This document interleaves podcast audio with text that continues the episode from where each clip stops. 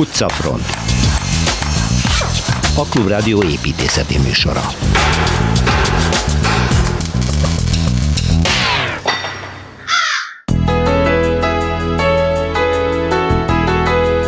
Kékgolyó utca 2 per A, ebben a házban élt Nemes Nagy Ágnes költő, a szomszédban pedig Szilveszter Ádám családjával. Egy házgazdag múltja tárul fel utcamustrával folytatódik Torma Tamás utazása is, a Bródi Sándor utca első felének épületeit látogatjuk meg. És innen alig pár száz méterre a Vas utcába fordulunk Kelecsényi Kristoffal, aki Lajta Béla egyik csúcsművét, a Felsőkereskedelmi Iskola premodern házát ismerteti meg velünk. Goddang Tibor építész dinasztiákról szóló sorozatában ezúttal a Gregerzen család kiválóságairól mesél. Keresztény templomból zsinagoga, a világon ebből egyetlen egy van, mégpedig Balatonfüreden, ahol ma a zsidó kiválóságok háza működik. Célba érünk Jambrik Levente történész Esztergomban. Megtaláljuk negyedik Béla király és családjának pontos sírhelyét. És itt a Kék Tavasz, vagyis a Kortárs Építészeti Központ gazdag tavaszi séta és fesztivál naptára, amiben Gócz Bíborka, a központ programmenedzsere nyújt betekintést.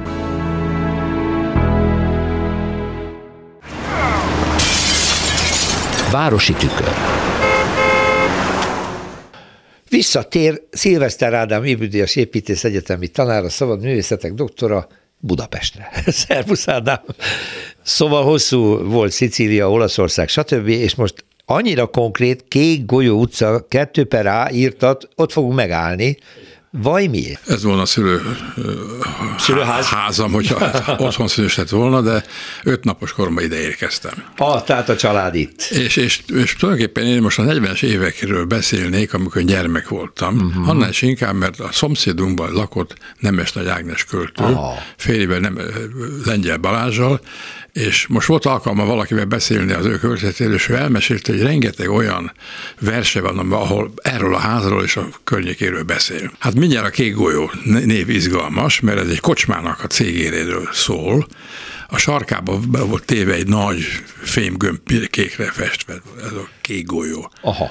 A tulajdonos a Grác Mor volt, aki az első emetet lakott a mi házunkban. Öregen még. De a kocsma nem ott volt ebben az épületben? Nem, nem, az a, az a Városmajor, sarkon. Városmajor utca, kék a sarok. Sarok, így van, igen. ahol ma is van Most, valami vendéglátó. Akkor ez az utolsó olyan kicsi ház volt, mert ott a 30-as években, a háború idejében már épültek nagyon jó házak, méghozzá Kvitner Jenő tervezte házak, a miénk is az, és vele átteresen szembe, ugye a, a, a Magyar Jakobinok terre régen rendezgyőr tér, és a, a Városművészet sarkán is egy, egy, egy, erre a pozícióra felelő épület, mindkettőnek le van fózolva a sarka, tehát le van vágva. Uh-huh.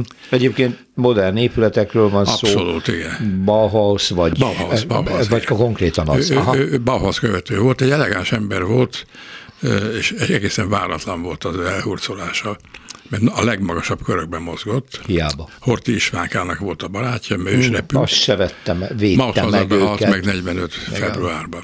Igen. Ez a ház, ez valamikor 37-38-ban épülhetett, uh-huh. mert 39-ben költöztek be apám még. Na most ez a, az a környék azért volt érdekes, mert a kocsma mögött volt egy, egy párhuzamos házikó, egy féltetős ház, ami a Kégölcára futott, a Vapárosan futott, és egy udvar. Ezt az udvar Stálin udvarnak becézték. És ide nézett le mindig Nemes Nagy Ágnes, annak hívták hivatalosan, vagy ez csak egy becenév ez, volt? Ez a becenév. A lakók adták ez, ez a szűrnó, igen. és oda jártam be öt évesen, mert érdekes dolgok történtek. Volt egy patkolókovács, és volt egy lószerszámokat gyártó bőrdészműves. Aha. És ez önmagában azért izgalmas, mert, mert miért kellett, hát hol volt annyi ló? Volt annyi ló. Ez a háború utáni időkben a szállítások nagy része még ló, lóvontatások kocsin zajlott. Például a kőbányai sörgyászak volt egy lerakat a Feszti Árpád utcában, a déli pályában mellett, ahol hatalmas egy társzekereken ászok erenden vittek hordókat, és csapolták ott, ahol kell És szállítani. rendes muraközi lovak muraközi húzták, így nagy, van. hosszú hajuk volt, és, Igen, és megálltak, és a kocka kőben, mert bazalt kocka hők voltak, ott pisiltek, és a, a fúgákba folyt el a pisis, és néztem. Maga a patkolás is gyönyörűséges volt, mert, mert hát egy kisfő nem tudja, hogy ez, ez, ez, nem fáj, mert kitekerik a lábát, és a hátsát, akkor fölhúzzák, és, és bele ütik, bele, beleütik, de amit, amit ott a patkol, ott, ott verik ki. Igen. És, és a, a, ennek van egy gyönyörű ritmusa, meg ketten ütik, és ez egy egészen furcsa, nagyon finoman érzékelhető zene és ritmus. Maga az műhely abban az épületben volt, vagy... Az, az udvar melletti féltetős fél, épületben. tehát bent ott Be- be- ráláttál rá, rá, tulajdonképpen. be, bementem az udvarba, Aha. engem ismertek, beengedtek. Uh-huh. És én, én csodálkoztam, hogy a lovak ezt hogy tűrik, és érdekes volt, hogy, hogy nyáron a, a legyeket úgy kergették a bőrök, hogy megrezegtették. Igen, igen, ez... És a Bördi meg begyártotta a lószerszámokat mellette. Hmm. Na most a sörgyár ügy mellett volt a, a jeges. Jeges a jeges, jött egy társzekér, és hozta a jeget. És akkor mi lementünk vödrökkel, és belevágták. De volt, hogy, hogy volt alkalom, hogy egy vállán fölhozta egy, egy, egy segédje a jeges. Egy nagy bőrtakaró volt Bőrtakaró rajta, és az vitte vi- fel a barna-. Sötét barna volt, mert Igen. olvadt. És volt egy nagyon jelentős dolog, és erről is írt, írt Ágnes, a Stümernek volt ott egy, egy, egy a utcában egy, egy, egy üzeme, ahol cukrászai termékeket gyártott, és hozta. Hozta egy, egy, egy, egy doboz, fadoboz volt szerelve egy alvázás, azon voltak gumikerekek, küllős gumikerek, és egy fekete ló vontatta. Ez, egy- elegáns, mert csendben ment, nem csapdosott, és nem, nem verte a kocsit. Egy a, Tehát a, ott az egy üzem volt, ott állították elő az édességet. és ezt szállítottam mindenhol. Alattunk is volt, amiről írt Nemes Nagy Ágnes, a, a, a Márcis cukrászda. Uh-huh. Tehát a kék golyó kettő perában. A kettő per A-ban, aztán nem az érdekes, hogy ugye keresztényes volt, és rendőr irányította a forgalmat, a nagyon egy gyér forgalmat, és volt egy ilyen saktáblára festett dobogó. És ott állt Középen a rendőr. Miklós bácsi, vagy, vagy Laci bácsi. De hogy ismertétek a Ha, hogy posztoló. Miklós bácsi mindig adott diót nekünk, mert oda álltunk mellé mi is kalipálni. A Laci bácsi mondta, hogy milyen gyönyörű az maga édesanyja. Aha. Ez nagyon tetszett az édesanyámnak. Szép nő is volt, vörös hajú, barna szemű. Szép nő. Úgyhogy ezek, ezek olyan emlékek, amit, amik kitörölhetetlenek, és, és az a, ez a furcsa, arhaikus ügy, hogy itt kovácsolnak, meg, meg bőrdészfőt gyártanak, és, és lovak vontatnak, emellett a ház az kifejezetten modern volt. Például az, az ablak, ahol mi kinéztünk a vérmezőre, az négy felé húzható harmonika ablak volt, Tessa a rendszert egyesített szárnyú, Halaman nevű cég gyártotta, a mai napig hib- hibátlanul működik. Hát igen, ez a Pedig- maga korának csúcs technológiája volt az építészetben, úgyhogy A kilincsek az- úgy tervezett, hogy a legjobbat tervezte be, Hogy, ezek persze. szerint onnan hozták Igen, Németországból. Igen, az anyagok is azok is nagyon jók voltak. Én szívesen beszélek erről, annál is inkább, mert, mert mi követtük az ő életüket. Péntekenként mindig volt egy összejövetel. ahol A Nemes Nagy igen, igen, igen. És akkor, akkor megérkezett Tersánszki Józsi tarisznyával az oldalán, Mészői Miklós a szép kék szemével, Ottlik Géza. Hmm. Még egy történet, ha lehet, akkor röviden elmondom, mi zongorázni kezdtünk öt éves koromban én, és nővéremmel együtt, és akkor ott folyt a nagy zaj. Ilyen. Ők napközben akartak aludni, és éjszaka dolgoztak. Ti meg zongoráztatok, gyakoroltatok. Igen, igen, az kiderült, hogy úgy derült ki, hogy megjelent egy, egy zongora szó a szomszédból, este fél tizenegykor, a huga, Nemes Nagy Éva zongor, oda költözött egy pianinóval, és eljátszottam minden este fél tizenegykor az Asdur Polonész Chopin-től. Minden este. Igen, és akkor rájöttünk, hogy puppa, hát akkor ez egy zongora verseny, és akkor apámba elhatározta, és kicipeltük a zongorát a cserét szobába az udvar felé. Hogy ne De, közvetlenül. de a- ez, ez az érintkezésnek ez egy érdekes formája volt, hogy Balázsra közvetlen az kapcsolat, és ez, ez, a, ez a nagyon szép nő, aki úgy, úgy, kiderült, hogy rólunk is írt a szurtos szemű szilveszter gyerekekről. Ó. Látott minket, csak nem, nem jelent, nem volt kommunikáció vele. De ebben nőttem bele ebbe, ebbe a világba, ami ez nagyon stim, stimmelt ez, ez a Bauhaus épület. Modern épület azt mondod a kék golyóban, ez is egy modern épület, egyébként az gépészetileg még mit jelentett? Nyilván a fűtés az még szénnel volt, vagy ne van már volt? Igen, szénkazán Hordtátok volt. föl, vagy már Nem, nem, kazán? nem, kazán. Na, ezt akartam kérdezni. Szenes gáz, szenes gáz, Szenes kazán volt, de központi, Igen, ház központi volt a fűtése. Volt, péntekenként melegvíz szolgáltatásra. Péntekenként. Az, az érdekes, hogy ott tanultam meg járni a pincébe. Igen. És miután följöttünk a világosra, annattól kezdve nekem határozott képeim vannak, hogy nézett ki a vérmező. Uh-huh. Ültem a dédanyám karján, apám valonnan szerzett üveget, mert minden tönkre ment, tehát kilopták a lakást. Németek és oroszok. Egyaránt. Mindenki vitt capcarap, amit ért. Igen. És akkor volt, volt és rengeteg légy volt az ablakon. És akkor néztünk, és akkor ment egy vonat a, a Szélkámán tér felé a, a, a pályadvarról, és, és, és gőzmozdony volt, és akkor mondta, nézd meg, oda pipilt a mozdony. Én meg nem azt néztem, hanem hogy, hogy döglött lovakat húztak ki láncon. Ez egy csatatér volt az a vérmező. Igen. Repülőgép leszálló hely is volt a háború, de aztán azt a, a, a várnak az összes le kellett hordani, az egy külön történet, ezt most már nem mesélem el. Gyerekkorodban jól beléd ivódott nyilván a csata utáni és ostrom utáni kép a Kégolyog utcából kinézve. Tehát a Kigoly utca 2 per A, legendás hely több szempontból, amiről Szilveszter Ádám beszélt most nekem, köszönöm szépen. Perspektíva. Utca Mustatorma Tamástól, az Egyhely blog szerzőjétől, építészetkritikustól, Szerbusz Tamás, Szerbusz Péter, üdvözlöm a hallgatókat. Na, átjöttünk Pestre, mert a Bródi Sándor utca következik. Igen, de még mennyire átjöttünk. Na de, és aztán, hogy csak a múzeumkörúttól a Puskinig terjedő kis szakaszt választottad, mondtad nekem korábban. Igen, mert, mert iszonyú sűrű. Borzasztó iszonyú pici szakasz, sűrű. de nagyon sok minden van benne. A másik Mondta, laktál itt? Mert eddig még mindenütt laktál. Nem, ami... nem laktam. Éjjjj, de én viszont igen.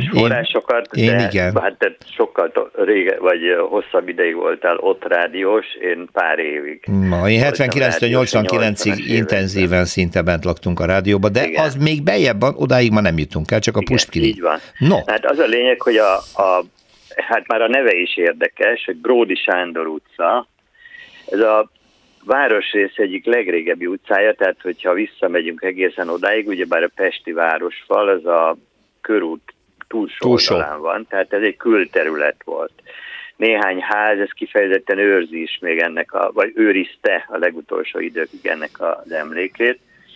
Nem véletlenül volt az első neve 18. században Téglavető utca, hmm. ami akkor még ilyen városi majorokhoz vezetett ki. Aztán ebből maradt a major, és aztán lett főherceg Sándor, ez ugyebár német megközelítésben, majd uh-huh. magyarosan Sima Sándor, aztán főherceg is volt, és 1940 óta Bródi, Bródi. Sándor, és ez számomra most, hogy utána néztem, derül ki, hogy nem véletlenül, mert hogy ő lakott ott egészen fiatalon. No. Most egy üres telek, ez parkolóként üzemel, itt lakott még, mint hát mint albérlő. 1884-ben jelent meg az első novellás kötette a nyomor, ezt, ezt itt írta. Itt írt, na jó, menjünk Na, de hát, hogy hol vagyunk, ugye, bár ez a mágnás fertály. Igen.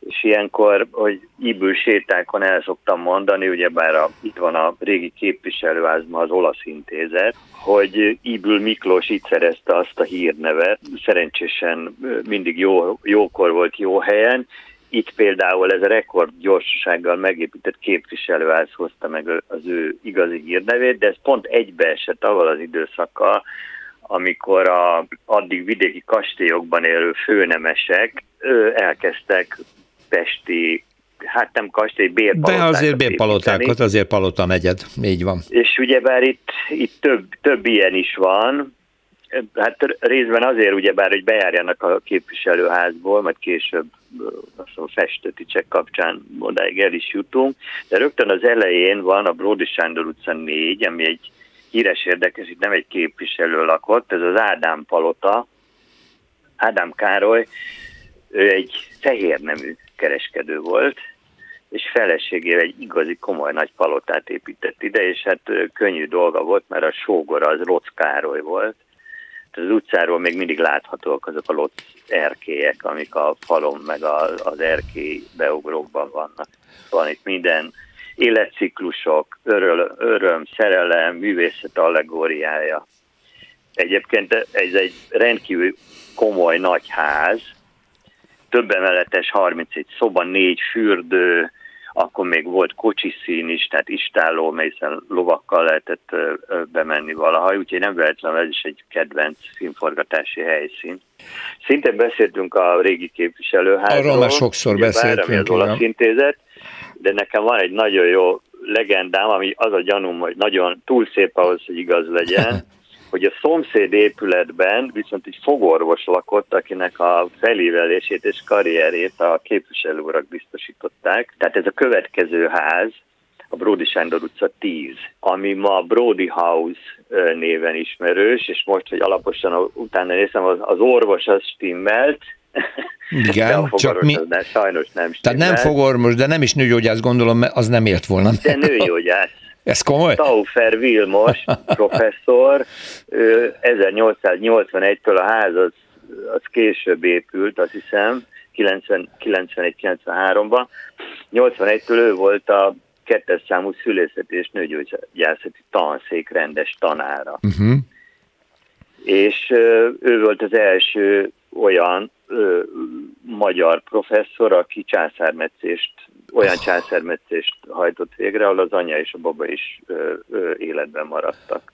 A korának az egyik nagy szaktekintéje volt, egyébként Blaha Luizával is Luizának is, hogyha ilyen mélységekbe megyünk, akkor egy, egy cisztáját eltávolítottam meg. Ez, ez nem itt ebben, hanem Blaha Luiza lakásán az ebédlőasztalon állítóak. Hát az ugye... Ki tudja, hogy legenda, van tábla róla a ház, házfalán? Van emléktábla? Vagy csak kinyomott, tehát nincs, te kinyomoztad? Ezt, ezt, most a, ezt most a Brody House uh, uralja, igen, igen, uh-huh. valójában. Sőt azt is, hogy ebben a házban lakott nagyon sokáig, tehát uh, majdnem 40 évig Maléter Pál. No. Tehát akkor most időbe ugrunk. És akkor jelenben pedig ez a Brody House, ami egy nagyon speciális, egy ilyen butik hotel, de ennek a közösségi specialitásnak az a lényeg, hogy a közösségi helységek nagyon nagyok, tehát óriási nagy hal van, lobbik, egyébként van két zsolnai cserépkája is, és a szobák pedig relatíve kicsik, és hát ilyen romkocsma stílusban vannak berendezve, hogy aztán divatfotózásoknak, minden egyebeknek nagyon kedvelt helyszíne. És hát tulajdonképpen kulturális intézményként működik, mert kis koncertek vannak benne, vitaestek igen, vannak igen, benne. A, a hotelség az valójában igen. egy ilyen szalomból, igen. szalomból alakult ki. A legutolsó élményem, hogy uh, itt is ez is egy híres filmforgatás, egy a Himmler agyát Heinrichnek hívták című filmnek egy jelenetébe tűnt föl, hogy itt bizony innen néznek ki abból a kiugró mm. ablakból. Ez a Heinrich elleni prágai merényletről szóló film egyébként. Tehát egy jelenetet De itt forgatták, ez tehát a Brody 10, igen. ugye a tízes szám. Ez a Brody 10, És igen. akkor még egy épület van. És a sarok van, az úgynevezett napórás ház, van egy nagyon szép napóra rajta, ez egy sarokház, és egy ilyen várkastélyszerű épület, ez a Schwinn családhoz kapcsolódik, egészen pontosan a dinasztia alapító Schwinn Mihály, ugyebár ő dohánykereskedelemmel kezdte, de igazából alkoholból, tehát szezgyártásból gazdagodott meg, szez, likőr, ecet, rum, stb. A Schwint rum az az ismerős, és akkor a fia volt, aki egy, eh, hát az okkultizmushoz és a szabadkönyvességhez erősen vonzódó. Svin György eh, lakott ebben a házban, és itt, itt is halt meg, nem derült ki, hogy a, a, legendásabb verzió szerint éppen valami elixírt keresett, és felrobbant, egy másik szerint egy szívrohamban halt meg itt a házban lévő laboratóriumában. Ebnek a háznak Ez van egy, van egy története részemről, mert én mindig a Puskin utca felől érkeztem meg a Bródiba a rádióba. Ennek a saroképületnek a Puskin utca felőli homlokzatán volt egy, egy kémiseprő szobor, egy nagyon szép plastika, de ezt már a következő héten folytatjuk a Bródi Sándor utca belső szakaszával, Torma Tamással. Köszönöm szépen, szia! Én is köszönöm. Budapesti séta. Pici utca hatalmas épület, nem csak méreténél fogva, hanem jelentőségénél fogva Lajta Béla Vas utcai felső kereskedelmi iskolájáról beszél nekünk Kelecsényi Kristóf építészet történész. Szervusz Kristóf! Szervusz! Ez ez egyszerűen akármikor épülhetett volna. Ez, ez már a magyar modern építészet egyik csúcs teljesítménye, ha jól tudom, 900-as évek első évtizede, ugye? Lajtának a modern korszaka. Igen, igen, igen. Hát úgy, úgy szoktuk hívni, hogy ugye pre-modern, mint ami megelőlegezi Me- ezt a uh-huh, dolgot, uh-huh. hogy kicsit kiemeljük ebből a e, századfordulós e, kavalkádból, ami akkor ugye azért jellemezte az építészeti e, területet, és másrészt pedig azért, mert hogy ugye annyi szálon is kötődik ez végül is a, a későbbi fejleményekhez. És hát igen, én is ahogy itt nézegettem, hogy miről beszélgessünk ma, egy kis megütközéssel láttam, hogy na hát a Vas utcai felsőkereskedelmi iskoláról még nem beszéltünk. Igen, egyébként tényleg el van dugva, mert ez egy annyira keskeny utca, és ez egy igen impozáns, hatalmas épület, már maga a homlokzat, de befelé is terjeszkedik, L alakú alaprajzra építette. Ez Klinger tégla, úgy hívják ezt a sötétbordó építőanyagot, ugye, amiből készült. Igen, igen, hát ugye ez az égetett burkoló tégla tulajdonképpen, a, ami a homlokzatot dominálja, úgymond, azért ugye itt még vannak más anyagok is, a, a kövek is megjelennek a lábazaton, illetve fönt a, a pala, illetve a rézelemek, de összességében ugye a leginkább, ami, ami hatással van a szemlélőre, az ez a sötétvöröses, hát valószínűleg ma már kicsit sötétebb, mint az építéskor, de ez a, ez a vöröses tégla architektúra, ami hát hatalmas, tulajdonképpen tagolatlan, víztelen felületek, illetve hát a téglából kialakított olyan építészeti tagozatok, amelyek ezt azért meg, meg, meg szaggatják, úgymond, és az ebben nyíló, ugye ilyen, mind ilyen nagyon fölfele törekvő, vertikális hangsúlyú ablaksávok azok, amik uh-huh. jellemzik ezt az épületet, illetve hát az asszimetria, ugye a, ami a, gyakorlatilag a historizmus építészetében egy ilyen jellegű épület épületen szinte elképzelhetetlen lett volna. Ugye hát itt Lajta több szempontból is és több aspektusban is túllép a, a 19.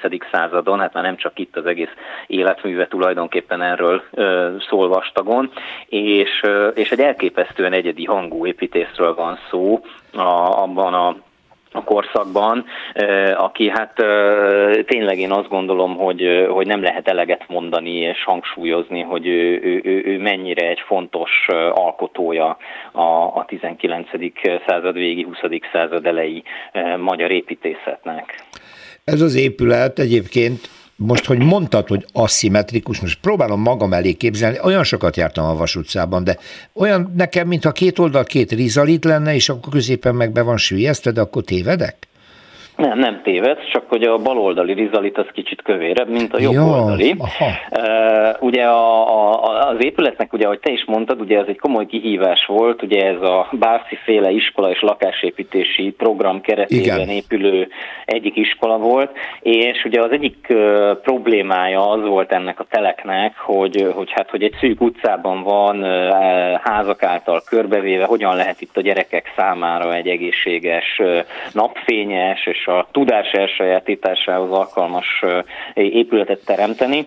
És hát ugye a Lajtának erre két válasza volt. Egyrészt ugye ez az ellalak, amit már mondtál, tehát mm-hmm. hogy a, mhm. a területet, ugye a telket azt úgy építi be, hogy lehetőleg a, a, a nem utcára néző tantermek is jó, jó bevilágítást nyerjenek.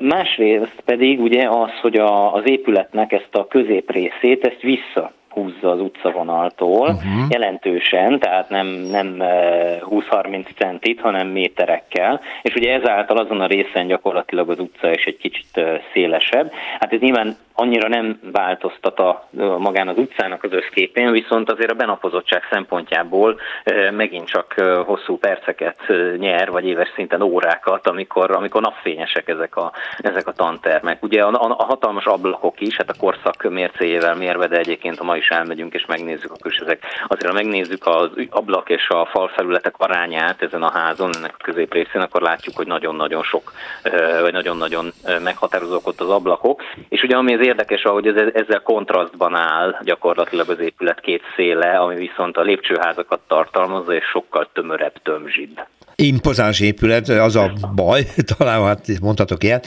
hogy annyira keskeny az utca, hogy szinte nem lehet befogni, az ember átmegy a túloldalra és megnézni ezt az impozáns nagy ö, homlokzatot, akkor még a fényképezőgép sem nagyon tudja befogni, de tényleg egy nagyon jelentős alkotásról van és nagyon tartós épületről van szó, talán ez a Kingler tégla elég sok mindent kibír, nem koszolódik annyira, mint akár a vakolt felületek, vagy a mészkő, és ezért nagyon időtállónak tűnik, ugye? Bizony, bizony, és még annyit mindenképpen fontos megegyezni, hogy, hogy azért ne csak a külsőről beszéljünk, tehát nagyon gazdag és iskolajáróknak szokatlan belső tere van, uh, ami végig vonul gyakorlatilag Lajtának a, a, a belső építészeti világa, az anyaghasználatok, a festett felületek, sőt egyébként a csillárok, a, a berendezés is gyakorlatilag mind az ő műhelyéből került ki egykor, tehát ezt azért szeretném hangsúlyozni, hogy ez, e, e, ezelőtt mindig fejet kell hajtani, hogyha egy építész nem a, a, a piacon kapható bútorokkal, hanem, hanem speciálisan általa az épülethez tervezett berendezési tárgyakkal népesít be úgymond egy, egy épületet, és hát szerencsére ebből a mai napig azért viszonylag a 20. század eltelte ellenére viszonylag sok minden érzékelhető.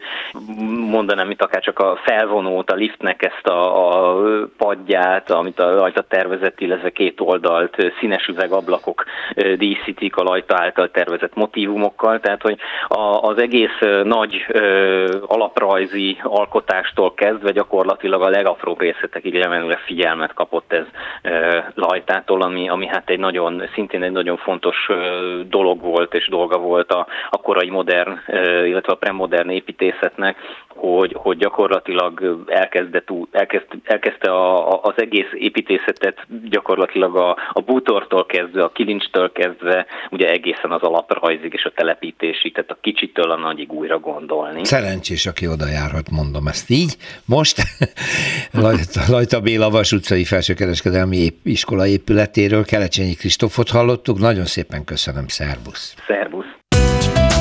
Utcafront. Lehet, hogy ez lesz az a nap, hogy feljön a nap, és egész pontosan megtudjuk, hogy a negyedik Béla, második honalapító királyunk és felesége és herceg fia pontosan hol fekszik, hol van eltemetve. Szinte tudjuk, hiszen Jamrik Levente az elmúlt részekben nagyon pontosan és nagyon izgalmasan elmesélte azt a feltárási folyamatot, ami zajlott, és szinte azt lehet mondani, hogy biztosan rá tudnak mutatni Esztergombon arra a pontra, ahol a királysír lehet.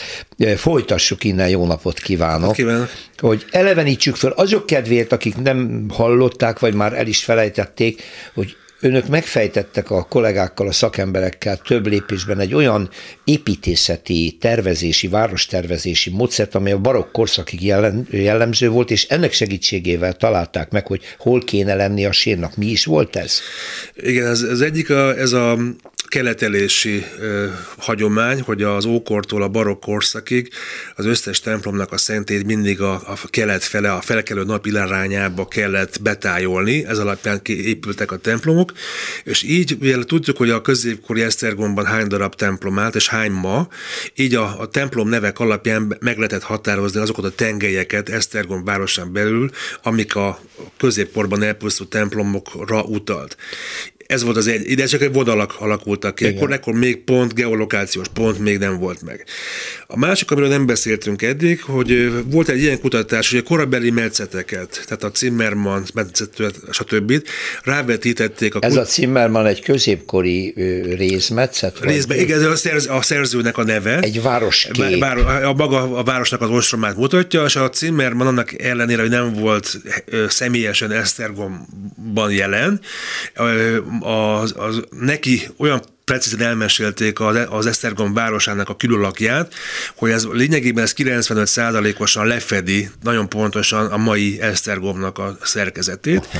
és a kutatók a, ezt a középkori metszetet, meg, meg más to, továbbiakat rávetítettek a mai Esztergom térképére, ez egy képátfedéses módszer, és a már feltárt ö, régészeti pontok, ilyen például a, a, a budai kapu, vagy a, a vízivárosi kapu, vagy különböző pontok, amik, amik tudták, össze tudták kötni, így is szintén a, a metszetek alapján látható negyedik Béla holtestét rejtő templomnak a, a kor, korvonalas pont szintén a Jókai utca 7-9-re esett, tehát lényegében ez is megerősítette, hogy ott kell lenni. Ott kell lenni. És a harmadik, amit még meséltünk az elmúlt három adásban, hogy a maga a 20-as években a, egy harcsa Daniel, Daniel, ja, Daniel. Csizmadia mester a, a műhelye bővítése közben egy, egy, mármány, egy tardosi vörös mármánylap elmozdítását, egy hatalmas csarnokot talált az inassaival, meg a család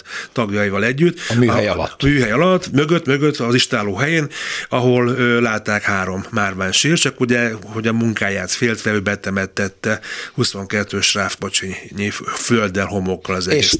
És száz két éve ez így is van. Igen. Bár van szemtanunk, van pontos helyünk, hogy hol látta, Kimér, kimérték a korabeli morfológia alapján, hogy a templomok szinte elárulják tájolásukkal, elhelyezkedésükkel egymásra vetítve, hogy pontosan hol van a sír, és mi talán valami műholdas módszerrel is Igen, vizsgálták. Ezt említettem a műholdas módszert, de ami a lényeges, ami a korábbi adásokban benne volt, hogy maga a mai Szent Anna templomnak a tornya eléggé speciálisan 36,6%-ban ki van csavarva, ami szintén a királysíra mutat, és pont ez a távolság, ez 70 bécsi öl, ami egy szent szám a Bibliában, Ószövetségben, Új Szövetségben egyaránt. És abban a korban ebben számolták van, a távolságot. Mert hogy az isteni várost, a, ma, a makrokozmosz le akarták képezni mezokozmosz szintjére, tehát lényegében ezek a szent számok és a aranymetszés alapján épül fel a, a Európában az összes város és templom, így épült, tehát ez nem egy, nem egy hungarikumról beszélünk, Igen. Ez, egy, ez egy általános tendencia a barokk korszakban kialakult urbanisztikai elképzelésekig.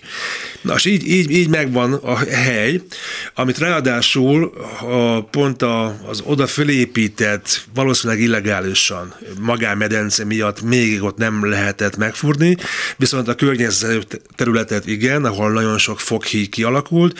Itt már a, a kollégák, illetve ez a, ez a negyedik Béla Kegyeleti Bizottság csoport tagjaiból többen úgymond ilyen ö, nem is georadar, ilyen, ilyen geoszondákat tudtak elhelyezni 10 méter mélyen, ahol szintén kirajzolódtak a bazilikának, az falai. ami irgalmatlan nagy egyébként. Igen? Tehát, a, a, tehát egy, egy hatalmas templomról beszélünk, ez a, a mérete az megfelelt a mai Esztergomi ö, bazilika helyén álló Szent Adalbert bazilikának a másával, ez irgalmatlan nagy. Tehát a, és, és a mai tényleg. Budavári Mátyás templomnál is másfélszer nagyobb. Tehát egy egy, irgalmat, egy irgalmatlan Igen. nagy bazilikáról beszélünk, tehát nem egy csipcsop kis kápolnáról, és mind a mellett ez, ez, ez egy, egy hármas szentély záródású templom, tehát ráadásul itt három szentély van, ahol a, a, az északiban van benne a, a királysír, meg a, a, a Mária, meg a Kisbéla,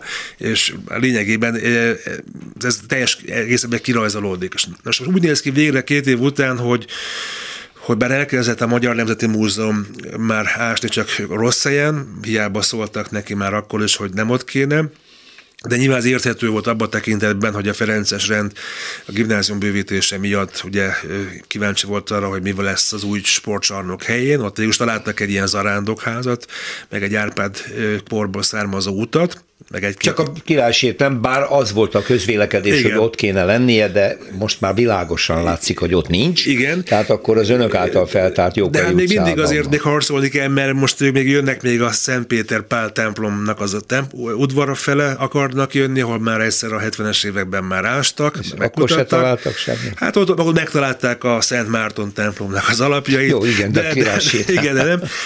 Illetve a másik, ami még pozitív hír, hogy a Jókai utca egy szám alatt van a híres Sándor Palota, és Esztergomi Sándor Palota, nem a, nem a Budairól, amit meg most vett meg a MOL-nak a Új Európa kulturális alapja. Ez szintén, ahogy a Sándor grófok építették, és ott pedig hát a ez a, ez a kegyeleti bizottság számítás alapján pedig egy kolostornak a keringőjének kell lennie, a, amit azért nem tudunk megerősíteni, mert hiába lett most feltárt a Kocsis Anita régész a területet, nem publikus, olyannyira, hogy a információnk szerint még nem is adta át a régészeti szakvéleményt, holott már le kéne adni a, a molnak, mert már márciusban már rekonstruálnák az épületet, és a régészeti információk hiányában nem tudják kiadni az építészeknek addig úgy a feladatot, Persze. hogyha, hogy amíg nem, amíg nem tudják, hogy mi a megvédendő, vagy mi, ami nem. Most a megedik körben mutogatás megy, hogy a Lechner Tudásközpont a felelős, akkor a Régészeti Kutatóintézet, akkor a, a régészigazgató, tehát így irgalmatlan, ilyen, ilyen, ilyen, ilyen láthatatlan köröket nyomnak a hivatalok egymással szembe, miközben ugye mindenki, mindenki próbálkozik a maga útja módján, és lényegében így mellettük párhuzamosan most a Magyarság Kutatóintézet vág majd bele, amire most úgy tudom, hogy ö, kaptak is valamennyi pénzt, ott most a, a hivatalos dokumentumok bekérése zajlik. Igen, ugye azért a dolog az meglehetősen bonyolult, hiszen a város ráépült, többszörösen beépített területről van szó, és ezekkel a módszerekkel ma már tudják, hogy a föld alatt mi van, az is nagyon 90%-ban állítható, hogy ott a király sír. Csak majd egyszer el kell jutni oda, hogy sok-sok bontás, nem is tudom mi árán, valahogy feltárhassák, meg hogy utána mi történjék, hiszen ez a csodálatos bazilika, bazilika is a föld alatt van. Hát várjuk a többi hírt, jó? Jambik Leventének nagyon-nagyon köszönjük, hogy négy részben beavatott ebbe az egészen különleges nyomozásba, történelmi régészeti nyomozásba, és hát ha eljutunk a sírig. Hát ha. Minden jót. Minden jót, köszönöm szépen. Utcafront. Március elején nyílt meg egy új kiállítás Balatonfüreden a Zsidó Kiválóságok házában. A híres zsidó sportolók életét bemutató digitális tárlat lényegében kiegészíti a korábbit, ami az ország első teljesen digitális kiállítása, nemzetközi viszonylatban is egyedülálló módon a világ legismertebb zsidó tudósainak életútját mutatja be. Ez is különleges, de maga az épület az igazi unikum, hiszen, de hát erről maga az intézmény vezetője, alapítója fog beszélni nekünk, akit a megnyitó után kerestem fel, Olti Ferenc. Ez 1200-as évek második hmm. felében épült a Szent Margit kápolna, ez egy katolikus templom volt. Ennek a kontúrjai a sötét kövek a földön. Aha. Ezt aztán a török időkben lerombolták, és a romjaira épült 1700 évek közepén ez a kubatúra. Uh-huh. Akkor a füredi protestáns közösségnek épült ez imahelyként. És ez működött egészen 1832-ig, amikor is úgy döntöttek, illetve nem akkor döntöttek, korábban döntöttek, de 32-re épült meg a Fehér templom. Igen. Mert ezt kinőtték, és akkor onnantól kezdve ez üresen állt, és az 1850-es években, 52-ben vagy 53-ban vásárolta meg a pozsonyi rabi engedélyével az akkor növekedésnek indult füredi zsidó közösség, amiben már az én őseim benne voltak. Aha. A pozsonyi rabi felé az volt a kérdés, hogy annak ellenére, hogy ennek az épületnek a tengelye nem pont Jeruzsálem felé néz, lehet-e ez zsinagóga, és lehet-e zsinagóga amiatt, hogy ez egy keresztény, keresztény imahely volt. És akkor a rabi azt mondta, hogy lehet és innentől kezdve 1853-tól 44. május 16-áig zsinagógaként működött. És miért a pozsonyi rabbitól kell? Hát, ez, hát, hát a, ő volt a, ő volt a hátam szófer, hát a uh-huh. legnagyobb szaktekintély. Uh-huh. Ez egy ortodox zsinagógaként működött, mondom egész 44. május 16-áig. Mekkora volt a a nagyapám, füredi közösség? Nagyapám meg az apám is a hitközség elnöke volt. Uh-huh. A csúcsidőben olyan 180 főt számlált, körülbelül ennyit, pontosabban körülbelül ennyi ment bele a holokasztba, körülbelül 20 voltak munkaszolgálatban már, és 44. május 16-án az itthon maradott 153 személyt, azt elvitték először Tapolcára, aztán Zalaegerszeg, és onnan Auschwitz. És a 180-ból összesen 15-en uh-huh. élték túl, köztük az apám meg az anyám, mind a kettő elvesztette a teljes családját, családját tehát egyedül jöttek vissza, és aztán ők már 48-ban házasodtak össze. Uh-huh. Úgyhogy ez az épület. Ja, és akkor az épület története 60-as évek elején az akkori Miói az eladta a hajógyárnak, Füredi hajógyárnak, itt buszgarázs volt, ez ki volt bontva ez, az, Tényleg? ez a fal például, itt busz, uh-huh. buszgarázs volt, aztán aztán privatizálták, amikor rendszerváltás volt, volt itten rolovag étterem, vaddisznóhussal, meg amit akarsz, minden. Raktár, pizza, konyha, és akkor, hát ez most már, most már lassan tíz éve, olyan 2013 környékén keresett meg a polgármester, hogy pontosabban a, a, a hídgyülekezetes Grósz István állandóan piszkált engem, hogy vegyem meg. Mondom, mit, mit csináljak én egy ilyen romhalmazzal? Hát, de igazából, a, hogy mondjam, akkor kezdtem el az egészen gondolkodni. Én addig igazából azt sem tudtam, hogy itt van a zsinagóga. Nekem a szüleim soha semmit nem meséltek. Ez hmm. többenet. Úgyhogy én itt ebben az épületben akkor voltam először, amikor, amikor aztán az önkormányzat megvette. Na, visszatérve tehát ugye a polgármester fölhívott, hogy most úgy néz ki, hogy van, lehet pénzt szerezni, és nem csak malterre, hanem valami tartalomra is. Ez volt a norvég alap, hogy akkor mi legyen mert hogy én vagyok a füredi zsidó, ugye, hát nekem semmiféle funkcióm nincs, de hát ez, itt már leraktunk itten botlatóköveket, meg a temetővel kapcsolatban sok mindent intéztem, mint a füredi zsidó. És akkor mondtam neki, hogy István, szerintem ez ne legyen egy holokaszt emlékhely, mert abból van több is, városban is van.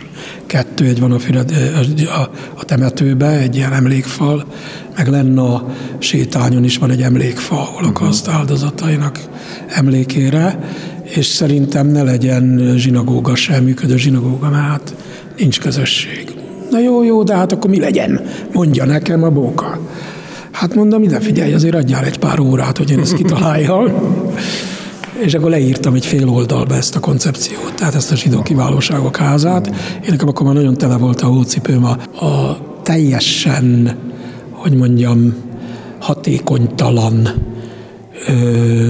és rendkívül konfliktusos próbálkozásokkal a holokaszt emlékével, meg a megemlékezések, meg mindenféle ügyében, amiket én nagyon-nagyon fontosnak tartok, de azt tudomásul kell venni, hogy ez a, főleg a fiatalokat, már az én gyerekeimnek, meg unokáimnak, akik zsidó hátterűek, azok is el, eltolják maguktól a, a gázkamra, meg a, a, a, a szörnyűségek történetét. Mm. Ezekre borzasztó nagy szükség van egyrészt rögzíteni, másrészt tényleg működtetni, de ahhoz, hogy, ahhoz, hogy valaki ebből ezt, ezt úgy befogadja, ahhoz valami más kellett, és erre alakult ki bennem ez a uh-huh. koncepció, hogy, hogy pozitív üzeneteket adni, de szembesíteni a, azzal, hogy mindez nem lenne, ha minden sikerül. És akkor így lett, a, tehát akkor leírtam ezt egy fél oldalba, ezzel a város megpályázta a Norvég alapot, megnyerte, viszontagságosan aztán végül is elkészült, erről itt beszéltem. A polgármester miért szorgalmazta ezt? Ő nagyon jó érzésű, nagyon nyitott ember, nagy nagy Izrael barát. Ezt elmesélte nekem, hogy ez gyakorlatilag otthonról hozta. Tehát semmi köze zsidósághoz, nem, nem, nem, egy vallásos református abszolút nyitott, és ő neki ez fontos valamiért. Egy olyan, a megnyitón egy olyan beszédet mondott, ami, ami valami egész döbbenet. Hát egyrészt Egyrészt ez az ő személyes, hogy mondjam, attitűdje, másrészt, mint városvezető, hát ez a város szívében egy omladozó olyan épület, aminek hatalmas múltja van. Hát gondold meg, három, három vallásnak az imahelye Igen. volt, és végig kísérte a, a, a település fejlődését. Végig.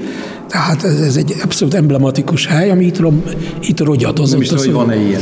Nincs. Három vallás szolgált ki és fordítva szokott lenni Igen. zsinagógából Igen. valami más, Igen. nem pedig másból zsinagóga. Igen. Ez hát nagyon érdekes történet, úgyhogy én meg azt akartam, hogy, hogy jó, hát ez nagyon jó, hogy csináljuk a kultúrát, és a helyi lakos, nincs, nincs a helyi lakosságot célzó kultúrás intézmény Füreden. Hát minden a nyaralóknak szól. Hát ez, ez a helyi ez lakos. Az egy ez a helyi lakosokat célozza meg. Mi nyáron nem csinálunk programokat. Tehát itt olyan rendezvények vannak, hogy mindenkinek eláll a szája. Az igaz, hogy nincs a világon hasonló gyűjtés? Nincs. nincs. Ilyen gyűjtemény sehol hm. nincs. Ráadásul olyan, amelyik valamelyik éberül is beszél.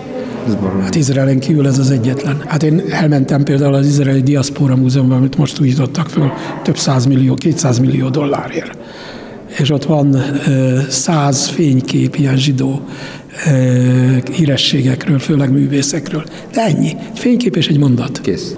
És hát ugye azt akartam, hogy, hogy viszont legyen valami itt olyan, ami Füredet a nemzetközi hát turiz, turizmusnak a vérkeringésébe jobban beemeli.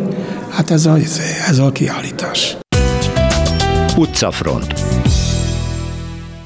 Balaton felvidéktől a Pöttyös utcáig, és még számtalan helyszín, amiről beszélni fogunk most Grózi Bíborkával, aki a Kortás Építészeti Központ projekt koordinátora. Jó napot kívánok! Jó napot kívánok! Nem sorolom föl, mert túl sok, de ugye itt vagy Budapest 150-hez kötjük, vagy egyáltalán a tavaszi zsongáshoz, de a kék beindult, mint a gőzhenger, és elképesztő mennyiségi építészeti programot szervezett. Budapesten sétákat, vidéken workshopokat, vannak benne szakmaiak, meg a nagy közönségnek szólók. Most magára bízom, hogy hol kezdjük. Rendben, köszönöm Na, szépen. honnan induljunk? Igen, hát tulajdonképpen tényleg valóban nagyon-nagyon sok programunk lesz most. Ugye már jó régóta dolgozunk ezen, hogy ezek most meg tudjanak valósulni. Mind széles körben mindenhol a szakmá, szólunk a szakmához, szólunk a civilekhez, különböző korosztályokhoz a tavasz folyamán a megvalósuló programjainkon, és igazából mindegyikkel az lenne a célunk, hogy egy kicsit beszélgessünk arról, hogy hogyan tudunk tudatosan és figyelmesen a saját környezetünkben élni. Igen, úgy látom, hogy a programok egy része nem egyszerűen, most hogy ne, képzel, ne azt képzeljek, hogy ilyen séták, és akkor megnézzünk tíz épületet, hanem itt már sokkal mélyebbre nyúlnak ilyen urbanisztikai dolgok, a tájjal való együttélés, a környezet és az építészet, benne élni az épített környezetben, tehát hogy, hogy, hogy tolják el még a civil programokat is ebbe az irányba, úgy látom. Igen, igen, igen, természetesen. Hát azt képviseljük, vagy azt próbáljuk meg átadni, hogy, hogy azzal, hogy ezekről gondolkodunk, azzal civilként is bele tudunk szólni, civil, civilként is hatni tudunk a saját környezetünkre tulajdonképpen, és akkor ugye ezt szolgálja, akkor bele is kezdek. Jó. Már holnap a Tájték a projekten belül Tapolcán megvalósuló egy ilyen nyílt szakmai fórum, ami a tudatos, a Balaton felvidék tudatos tájhasználatát ö, próbálja kicsit körüljárni. Utána az április 29-én Budapesten az a gyerekeket szólítja meg, tehát nagyon-nagyon színes programjaink lesznek. Mondjuk az a cím, amit itt olvasok, hogy a tájhasználók a Balaton felvidéke nyílt szakmai fórum Tapolcán,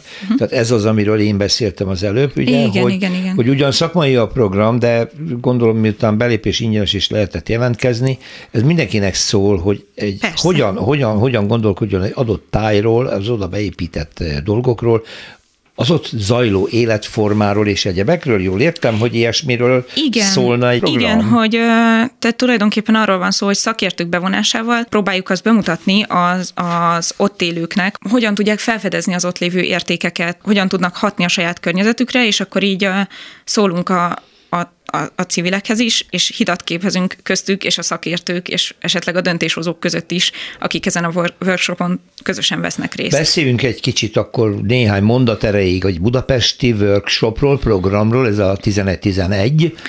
Erre még lehet jelentkezni, ezt még el lehet érni, mert 24-ig várnak még esetleg jelentkezőket. Igen. Itt egy galéria, ez a 1111 galéria a központ, ugye? Igen, igen, ott fog megvalósulni ez a workshop, ez egy háromnapos esemény tulajdonképpen, és ez egyetemistáknak szól. Tehát ez ismét egy újabb korosztály, akit megszólítunk, és több egy abszolút interdisziplinális, tehát nem csak építészek, hanem, hanem bárki mm, egyetemista korú, vagy egyetemi hallgató jelentkezhet, és ez egy öt alkalmas ilyen mentorprogram lesz tulajdonképpen, ami, ami egy ilyen építészeti workshoppal kezdődik a 11-11 galériában. Igen, és akkor egy nagyon hagyományos, de most ez idén a Budapest 150 miatt szerintem nagyon fontos, azt mondja, hogy Erzsébetvárosi Fesztivál 16 helyszínen, kékvárosi séták az Erzsébetvárosi utcákon? Bizony, Hú, igen. Ez, ez, egy, ez egy nagyon jó hosszú, lesz. Egy, egy hónapon keresztül tartó Hú. fesztivál tulajdonképpen, ez a Nyitva Fesztivál. 16 helyszín csatlakozott, március 27-én től indul, indul a program, maga a program. sétákból áll elsősorban? Nem, hanem úgy van, hogy a 16 helyszín különböző nagyon színes programokat nyilván a saját profiljukba illő programokkal szolgál majd, és a, ezt egészítik ki az Erzsébetvárosi séták tulajdonképpen, amit viszont a kék szervez. Igen, és amit általában sorba állnak, mert nagyon népszerűek és egyre Bizony, igen, igen. ezek a városi séták, de mi, mi, mit gondol miért? Mert erre aztán tényleg abszolút civilek jelentkeznek. Erre civilek jelentkeznek. Hát azt gondolom, hogy ez egy nagyon ö, újfajta módja annak, ö, hogy, hogy azokat a tereket, ahol egyébként is járunk, ezt egy új szemszögből meg tudjuk vizsgálni azoknak a sétavezetőknek a segítségével, és nyilván azért, mert hiszen különböző témák köré szerveződnek ezek a séták, ezért tényleg minden egyes alkalmon valami olyannal tudunk foglalkozni, vagy olyannal tudunk, olyanba tudunk elmélyedni, amiben egyébként a városban járva kelve egyáltalán nem feltétlenül Mondjuk, észre. Valószínűleg észre se vennénk. Igen, szóval meglátjuk azt, ami ott van, de nem vettük még eddig igen, észre. Igen, pontosan. hát ez, igen, igen, igen, igen. Na hát eh, gratulálok a Kortárs Építészeti Központ munkatársainak és Grózbi Borka projektkoordinátornak is, ez sűrű program. Én nagyon sok sikert, és buzdítom az utcafront hallgatóit, hogy bőszen jelentkezzenek, menjenek fel a Kortárs Építészeti Központ honlapjára, mindent részletesen ott megtalálnak, és még időben vagyunk. Indul igen. a tavasz. Igen, bizony. Mindenkit szeretettel várunk a Menjünk, köszönöm Köszönjük szépen. szépen.